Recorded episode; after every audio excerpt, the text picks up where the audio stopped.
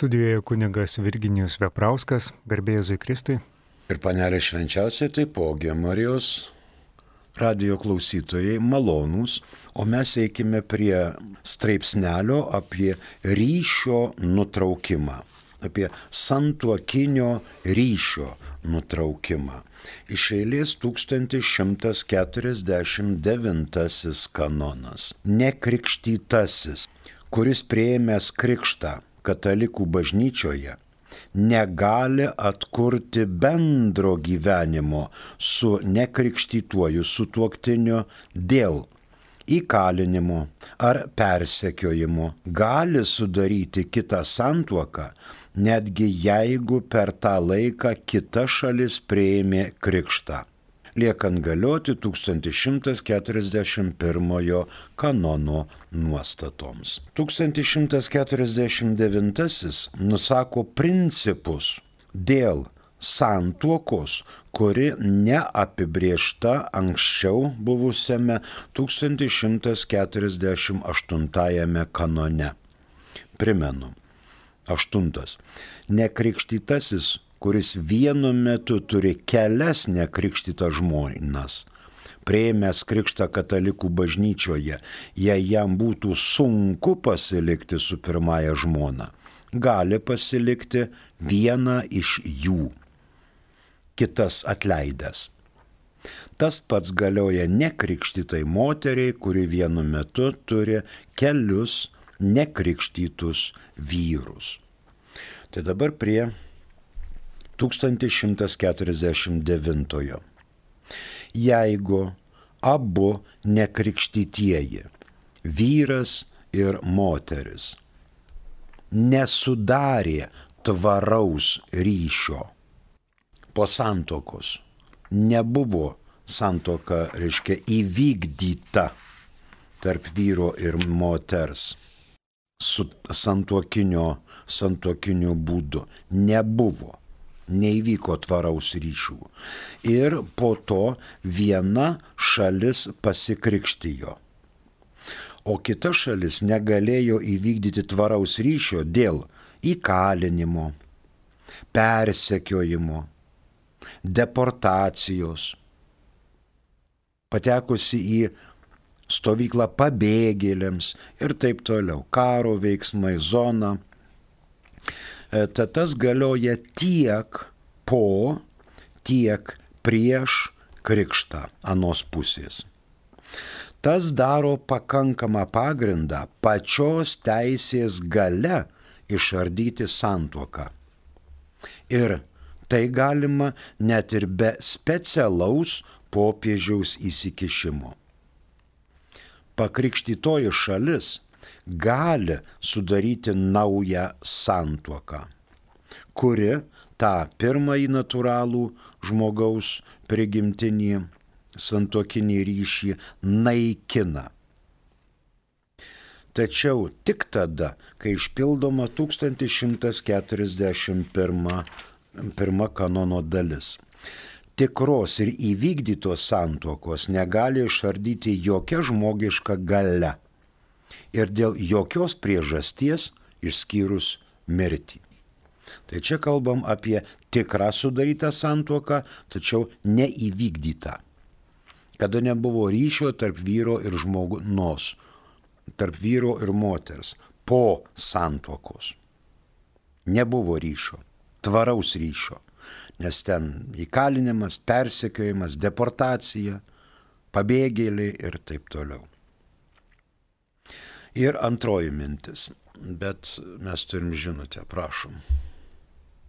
Klausytojas teiraujasi, ar galima bažnyčioje procesija per sėkmines be švenčiausiojo sakramento, jei per šventas Velykas yra su švenčiausiu sakramentu. Ne tik tai galima, bet būtina. Turime tris krikščioniškas šventes pačias didžiausias - Kalėdas, Velykas ir sėkmines. Per Kalėdas, aišku, gimsta antrasis švenčiausios trejybės asmuo - Jėzus Kristus. tai jau aišku, kad Eucharistinėje konsekruotoje duonoje yra Jėzus. Ten viskas tvarkoja. Velykos. Velykos yra Jėzaus mirtis ir prisikėlimas iš numirusių. Vėl viskas tvarkoja. Antrasis švenčiausios trejybės asmuo. O kas yra per sėkminę? Septinta savaitė po Velykų. Praeitą sekmadienį šventėme sėkmines. Tai yra šventosios dvasios atsiuntimo į žemę šventė. Tai nesūnaus gimimas ir ne tėvo nusileidimas, bet tai yra šventosios dvasios. Trečiojo švenčiausios trejybės asmens šventosios dvasios nužengimas į žemę. Stiprinimas bažnyčios. Tai kodėl reikėtų procesijos metu dar, nešti Eucharistiją, jeigu švenčiame sėkmines. Aišku, pagal seną romėnų posakį stultus parochus suprapapam. Reiškia, toksai, reiškia, labai savarankiškas klebonas gali būti ir virš popiežiaus nurodymų. Per sėkmines nedaroma jokia procesija su monstrancija ir su švenčiausiu sakramentu. Jokia. Tai yra šventosios dvasios pagerbimas. Velykinė žvakė, viskas. Ir visi einam džiaugdamiesi, kad šventa dvasia pučia ten, kur nori. Ar galima bažnyčioje procesija per sėkminės be švenčiausio sakramento? Būtina per sėkminės procesija be švenčiausio sakramento. Nes gerbiame šventąją dvasę. O per Velykas su švenčiausiu sakramentu. Čia, matot, aišku, yra turbūt bažnyčių, kuriuose ir per sėkminės eina procesijėlė su monstrancija visi klaupiasi, nes Jėzų garbiname, bet e, per sėkmines yra šventosios dvasios. Tai yra didžiulis džiaugsmas ir linksmybė bažnyčioje, nes šventa dvasia nužengė, kuri stiprina mus. Globėjas šventoji dvasia, spiritus paraklitus Jėzus pasakė aiškiai, jums bus geriau, jeigu aš įžengsiu į dangų, nes jeigu neįžengsiu į dangų, pas jūs netei šventoji dvasia. Jėzus per šeštinės įžengė į dangų, o per sėkminės atsiuntė šventąją dvasę draugę su tėvu. Ir šventa dvasia bažnyčioje egzistuoja, stiprina bažnyčią ir primena bažnyčiai viską, ką Jėzus yra sakęs. Toks bažnyčios mokslas. Antra mintis. Kai abu nekrikštytieji ir vienas iš jų pasikrikštyje ir vėl, kaip sakiau, neturi tvaraus ryšio. Ir ta santoka yra neatbaigta, sudaryta, galiuojanti, bet nebaigta, bet nėra tvarumo. Ir jeigu tuo met pasikrikštyje ana šalis, tačiau tokiu atveju pačia teisė natūrali šita santoka gali būti išardoma, jeigu tik tai ji nėra įvykdyta. Jeigu įvykdyta, viskas aišku, jokia žmogiška gali negali iš tos santraukos išardyti. Jei tokiu atveju pasikrikštijo kaip vienas, reiškia ten pabėgėlių stovykloje, neįvykdyta santoka, o kita šalis norėtų sudaryti mišrę santuoką su pakrikštytaja kokia nors šalimi. Tada reikėtų žiūrėti į procesą 1124-1125. Tokių reikėtų procedūrų laikytis. Išskyrimas šiuo atveju natūralios santokos yra pagrystas tikėjimo privilegija ir pasiduoda tada, kai pakrikštytoji šalis, gavusi tikėjimo malonę, šito prašo.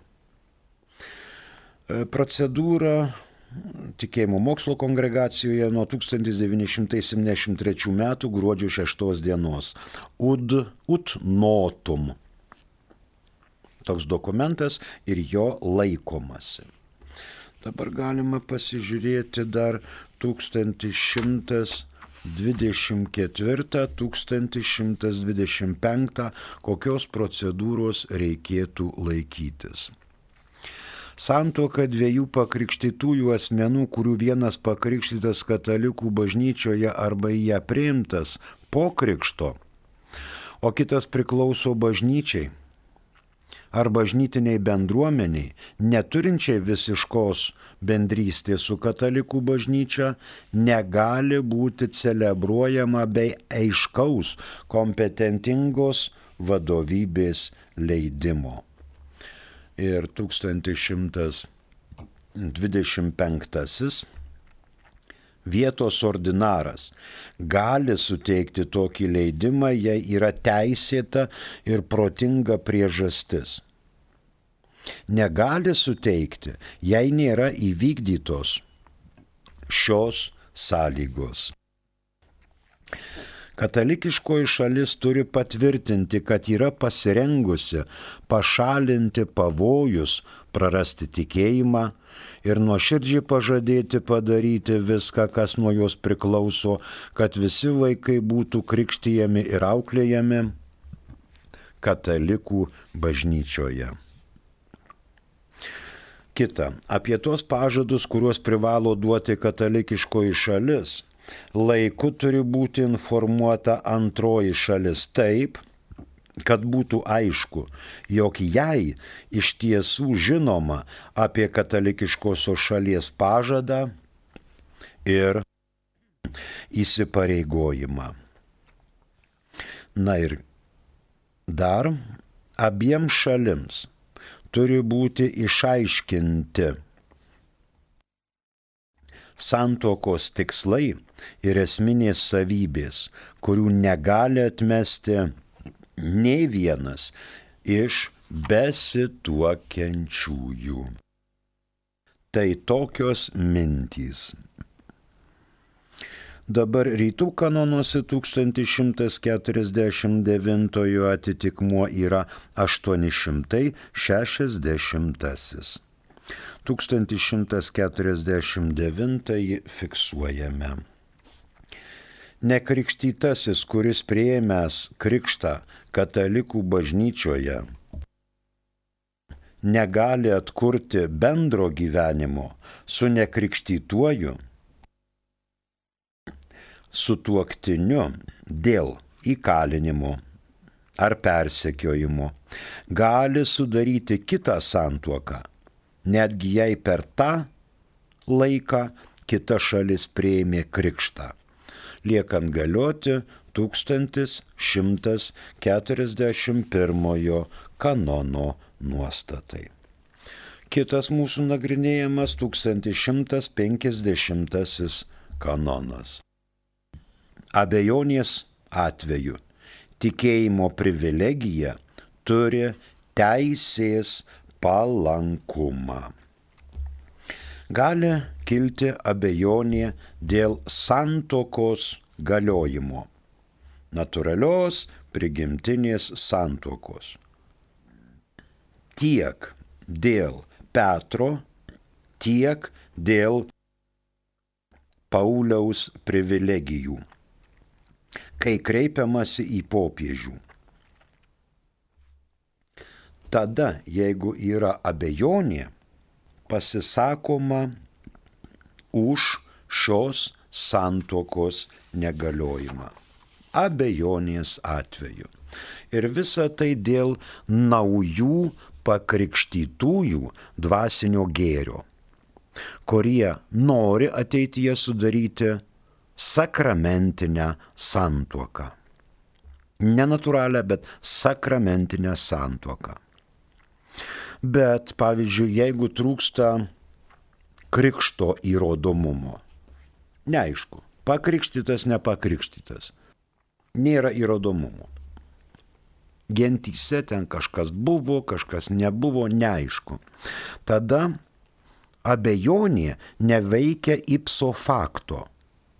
Ir šitą abejonę, su tą abejonę kreipiamasi į tikėjimo mokslo kongregaciją, kuri duoda galutinį atsakymą, aišku, po tyrimo. Ir turi būti tyrimas pagry, pagrystas. Ne taip, kad viens kažkas sakė, pasakė, bet turi būti jau dokumentalus tyrimas. Dabar gali būti taip, kad du nekrikštytieji buvo sudarę natūralią santuoką. Ir tuo tarpu vienas iš jų, nekrikštytas, sudarė santuoką su pakrikštytu asmeniu, dar kitu. Arba gavo dispensą dėl kulto skirtumo tai šituo atveju popiežiaus gale išsiplečia į kiekvieno prigimtinę santoką prieimančio ir galiojančią, galiojančią sudarytą, bet tik jai ji nėra įvykdyta. Tokiu atveju popiežiaus gale išsiplečia ir suardo natūralią santoką. Tikėjimo gėrio naudai. Tik dar kartoju, jeigu santoka yra sudaryta, bet neįvykdyta. Jeigu santoka buvo įvykdyta, šita privilegija neišsiplečia į nieką. 1150 atitikmenį turi rytų kanonuose 861. 1150 fiksuojam abejonės atveju tikėjimo privilegija turi teisės palankumą. Šitą straipsnelį pabaigėme apie ryšio, santokinio ryšio nutraukimą. Kitas straipsnelis - separacija, kai išlieka ryšys. Koks ryšys? Santokinis. Reiškia atsiskyrimas arba separacija, kai santuokinis ryšys išlieka ir galioja. Separacijos prasmė, kai išliekant santuokiniam ryšiui sustabdomos abiejų sutuoktinių teisės ir pareigos. Dėl ko? Dėl to, kai iškyla grėsmė sutuoktiniams arba jų vaikams santokos sudarytos galiojančiai tarp pakrikštytųjų yra neišardomumo principas. Tokia santoka negali būti išardyta. Yra išimtis ir gali būti suteikiama dispensa dėl sudarytos ir neįvykdytos santokos. Čia taip vadinama separacija be teisės sudaryti naują santoką. Dėl didelės grėsmės sutoktiniams arba palikuonims galima taikyti separaciją, tačiau be leidimo sudaryti naują santuoką. Separacija būna visiška visiška tai be įsipareigojimo kada nors atnaujinti santuokinį gyvenimą. Absoliučiai. Išsiskyrėme ir vienas į kairę, kitas į dešinę. Antras dalykas yra separacija laikina. Pavyzdžiui, terminui. Mėnesiui, pusmečiui, metam, dešimčiai metų. Arba išnykus separacijos priežasčiai. Išnyksta priežastis ir valio. Tada vėl separacija baigėsi, vėl sutoktiniai sueina į vieną bendruomenę ir gyvena santuokinį gyvenimą. Mus pasiekė turbūt žinutė, prašom. Dvi žinutės. Ar gali vyriausiasis brolis krikštyti savo jauniausią sesutę? Tėtis abiejų vaikų tas pats. Gali. paprastai krikštyje kunigas. Bet jūs klausėte, ar gali būti krikšto tėvas. Gali. Bet dar yra sąlygos, kad turėtų ne mažiau 16 metų, kad būtų pats pakrikštas katalikų bažnyčioje arba į ją priimtas, kad būtų privestas prie pirmos komunijos ir prie sutvirtinimo sakramento, o jeigu vedęs, privalo būti prieimęs santokos sakramentą ir būti pavyzdingas katalikas, gyventi su tą pačią žmoną, na ir taip toliau. Šitos visus klausimus e, užduoda ir gauna atsakymus tas kunigas, kuris ketina krikštyti, arba tas dvasininkas, kuris ketinate, ketina krikštyti tą jūsų jaunesnėje sesutę, jauniausiąją sesutę. Ačiū. Kitas klausimas, prašom. Dar viena žinutė. Mhm. Sveiki, pakvietė būti krikšto tėvu. Tačiau nežinau, ką reikėtų krikšto dukrai padovanoti.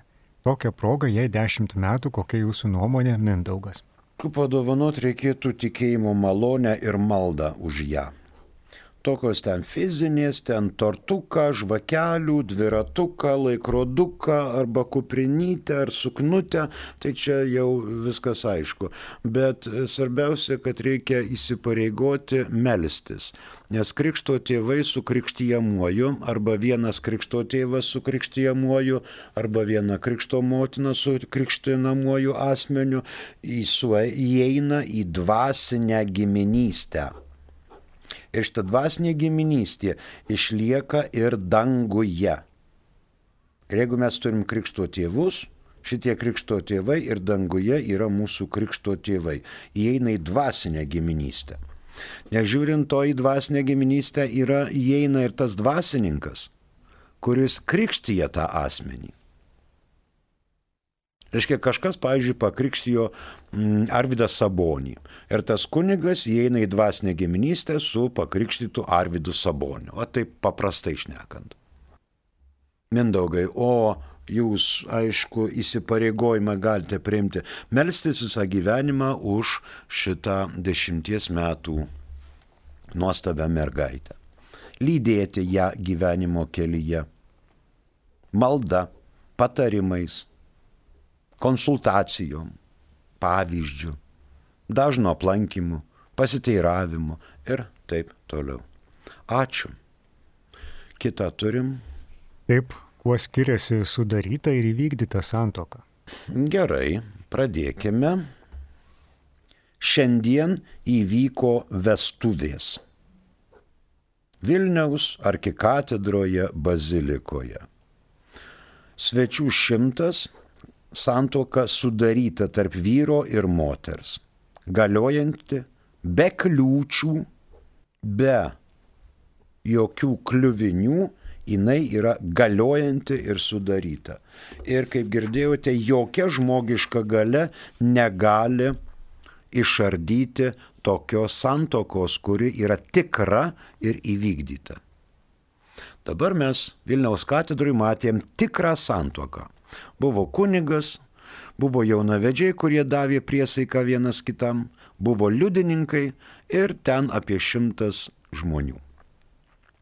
Sutuoktinis karininkas. Šiandien vakare prie vestuvių stalo jisai šiltutėlis ateina pasiuntinukas ir sako, karas. Nebūtinai kur. Ukrainoje, Afganistane, Sirijoje ir tamsta esate mikliai kviečiama susidėti savo visas portupėjas ir minti į karinį dalinį. Šitas karininkas nusima savo peteliškės fraką staigiai į spintą, kamufliažus ant pečių, portupėje bebėgdamas susiseka ir dinksta jo pareiga ginti tėvynę arba kokius nors ten balandžio revoliucijos iškovojimus ar dar kas nors. Reiškia, manoma, kad jis ten dingo kokiem pusmečiui arba trim keturiem metam. Tai santoka buvo tikra, bet neįvykdyta.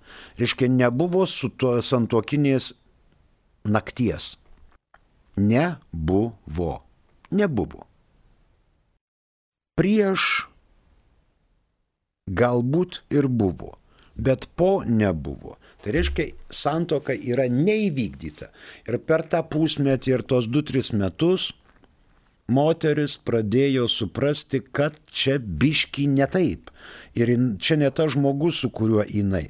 Ir jinai susiranda, arba ją susiranda, arba jisai ten kokią nors, reiškia, seržantę susisuka Afganistane, kokią Goro provincijoje ar dar kur nors. Ir vad supranta, kad ir jisai supranta, kad ta moteris nebuvo jo moteris. Ir sudaro civilinę santoką. Ir bažnyčia tokią santoką skiria viso visokiam kitokiam dar ten prielaidom, bet įrodoma, kad santoka buvo tikra, galiojanti, su parašais, su priesaikom, bet šita santoka buvo neįvykdyta, nebuvo tarp vyro ir moters santokinio ryšio. Nebuvo. Po santokos. Nebuvo. Ir va tokia santoka yra ardoma bažnyčios gale. Nes nebuvo įvykdyta. Dar galima sakyti, nepanaudota. Bet matot, reiškia sakyti, kad nepanaudota, tai tada atrodo, kad moteris yra maždaug kaip daiktas, va, kaip skalbimo mašina.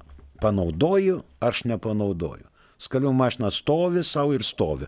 O jeigu sumetai ten maikutes ir marškinėlius visokius, tai tada jau naudota.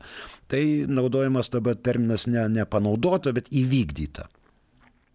Gal, ką žinot lietuviškai, kaip geriau atrodytų, galima padiskutuoti, galim įrašyti, bet neįvykdyta.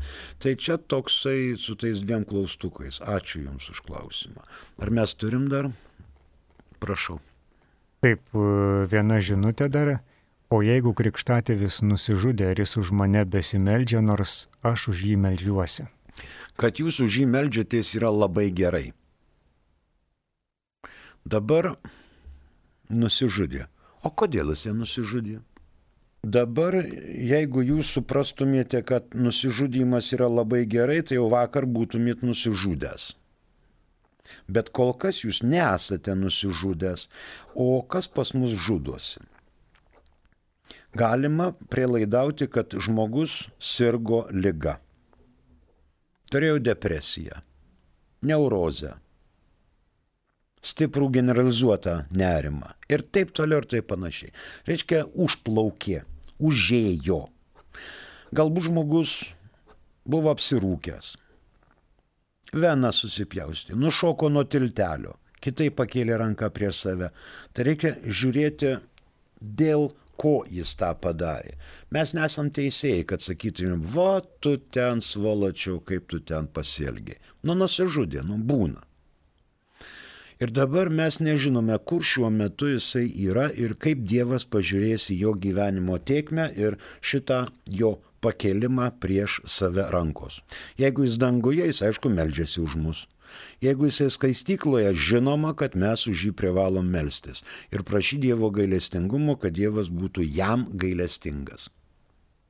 Taip ir darote. Jeigu jis pragare, tai reiškia Čigi farė Ferrari. Nieko. Bet mes negalim pasakyti su tikrumu, jis ten ar ten. Negalim. Mes tik prašom gailestingai Dievą, kad arba būtų už lygą gailestingas, nes lyga, skausmas, mirtis yra gimtosios nuodėmės pasiekmė, mes visi esam nuodėmingi, bet drastiškai kelt ranką prie save mes neturim teisės, nes nesam patys savo gyvybės davėjai. Ne mes patys savo duodam gyvybę, Dievas duoda mums gyvybę ir ją reikia branginti. Nors ir nešiojam tą gyvybę, na, tokiuose krikštoliniuose induose, kur trupučiuką suklupai, užkliuvai, terkšt indas ir sudužu. Ir šūkis tik tai atspindi saulės šviesą. Gražu, daug, bet indo nėra. Tai melstis už juos tikrai reikia, nes mes esam, įėj, mes esam įėję su krikštijančių dvasininkų ir su krikšto tėvais į dvasinę giminystę. Mes esam pakrikštytieji. Šiandien yra Kristus vyriausiasis ir amžinasis kunigas. Šiandien mes maldoje visi prisimename tuos kunigus, kurie yra mus krikštyje. Kadaise, kažkada. Ir už juos pasimeldžiame. Bent trumpą maldelę, atsidusėjimą. Nesvarbu, ar mus krikšto ligoniniai po aparatais pajungtus, ar mus atski, atskirai vieną žmogų, ar ten išreikiavo po penkiolika, bet vis tiek jisai pakrikštijo tas dvasininkas ir jisai dvasinėje giminystėje yra su mumis. Jis su mumis. Aukščiausiasis ir amžinasis kunigas yra Jėzus Kristus. Savo kunigiškąją galę perdavė kunigams ir vyskupams. Ir kaip per sėkminės girdėjote, kam atleisite nuodėmės, tiems jos bus atleistos. Kam sulaikysite, tiems nuodėmės bus sulaikytos. Reiškia, kai kunigas sėdi klausykloje, jis yra bažnyčia. Ir jis prieima sprendimą. Atleidžiu nuodėmės arba neatleidžiu nuodėmių. Jeigu atleidžiu viskas valio, jeigu netleidžiu, aš nurodau priežastį, dėl ko aš tau žmogau negaliu atleisti nuodėmių. Kokios kliūtys mane stabdo, kad aš negaliu duoti tau išrišimo ir tau paprastai paaiškino. Tokios tai priežastys. O jeigu kunigas davė sakramentinė išpažintyje išrišimą, mano nuodėmės atleistos. Aišku, iš mano pusės dar reikia žiūrėti, kad aš gailėčiausi už nuodėmės, tvirtai pasiryšiau nebenusidėti, jas įvardinčiau, nenuslėpčiau ir visa kita eilė reikalavimų. Ačiū. Na, kiek mums dar liko? Dvi minutės dvi minutės. Separacija, kai išlieka ryšys. Ne, jau nebepradėsim 1151. 1151 pasinagrinėsime kitoje laidoje. Pamirškime, kad katalikų bažnyčioje, kaip ir pravoslavų bažnyčioje, egzistuoja sakramentai, jų tarpe ne tik santuoka, bet ir kunigystė. Tik su kunigystė mes turime nuodėmių atleidimą, garantiją, kad nuodėmės atleidžiamos. Aišku, mėgsta melstį, sudaryti savo sandorą su Dievu, Dieve atleisk, Dieve dovanok, Dieve daugiau taip nedarysiu, Dieve suklydau, bet nėra garantijos, kad Dievas atleidžia. Tai tik tai vėl mūsų maldavimai prašyti Dievui atleidimo. O sakramentinėje išpažintyje, kai kunigas duoda išrišimą, mes turime garantiją, kad Dievas atleido nuodėmės. Braukiame brūkšnį ir gyvename gyvenimą nuo nulio. Kylame, būdami visiškai be nuodėmių. Nuodėmės panaikintos. Nepridengtos, neužsklestos, bet visiškai panaikintos. Jėzaus žodžių gale ir šventosios dvasios veikimu, kurio, kurios ateimą į žemę, šventosios dvasios ateimą per, į žemę per sėkmines išgyvenome. Šventoji dvasia mums davė ne mažiau kaip septynerias dovanas. Atsiverskit maldaknygę ir paskaitykit, kokios yra tos septynerios šventosios dvasios dovanos. Išgyvenkit tą nuostabų vėjo dvelkimą, nes šventa dvasia pučia kur nori ir kam nori. Tai jau Dievo galybės apsireiškimas. Ačiū už Jūsų klausimus, už galimybę pabendrauti. Prie mikrofono kunig, dirbo kunigas Virginijus Veprauskas. Ačiū ir sudie. Šviesios jums dienos.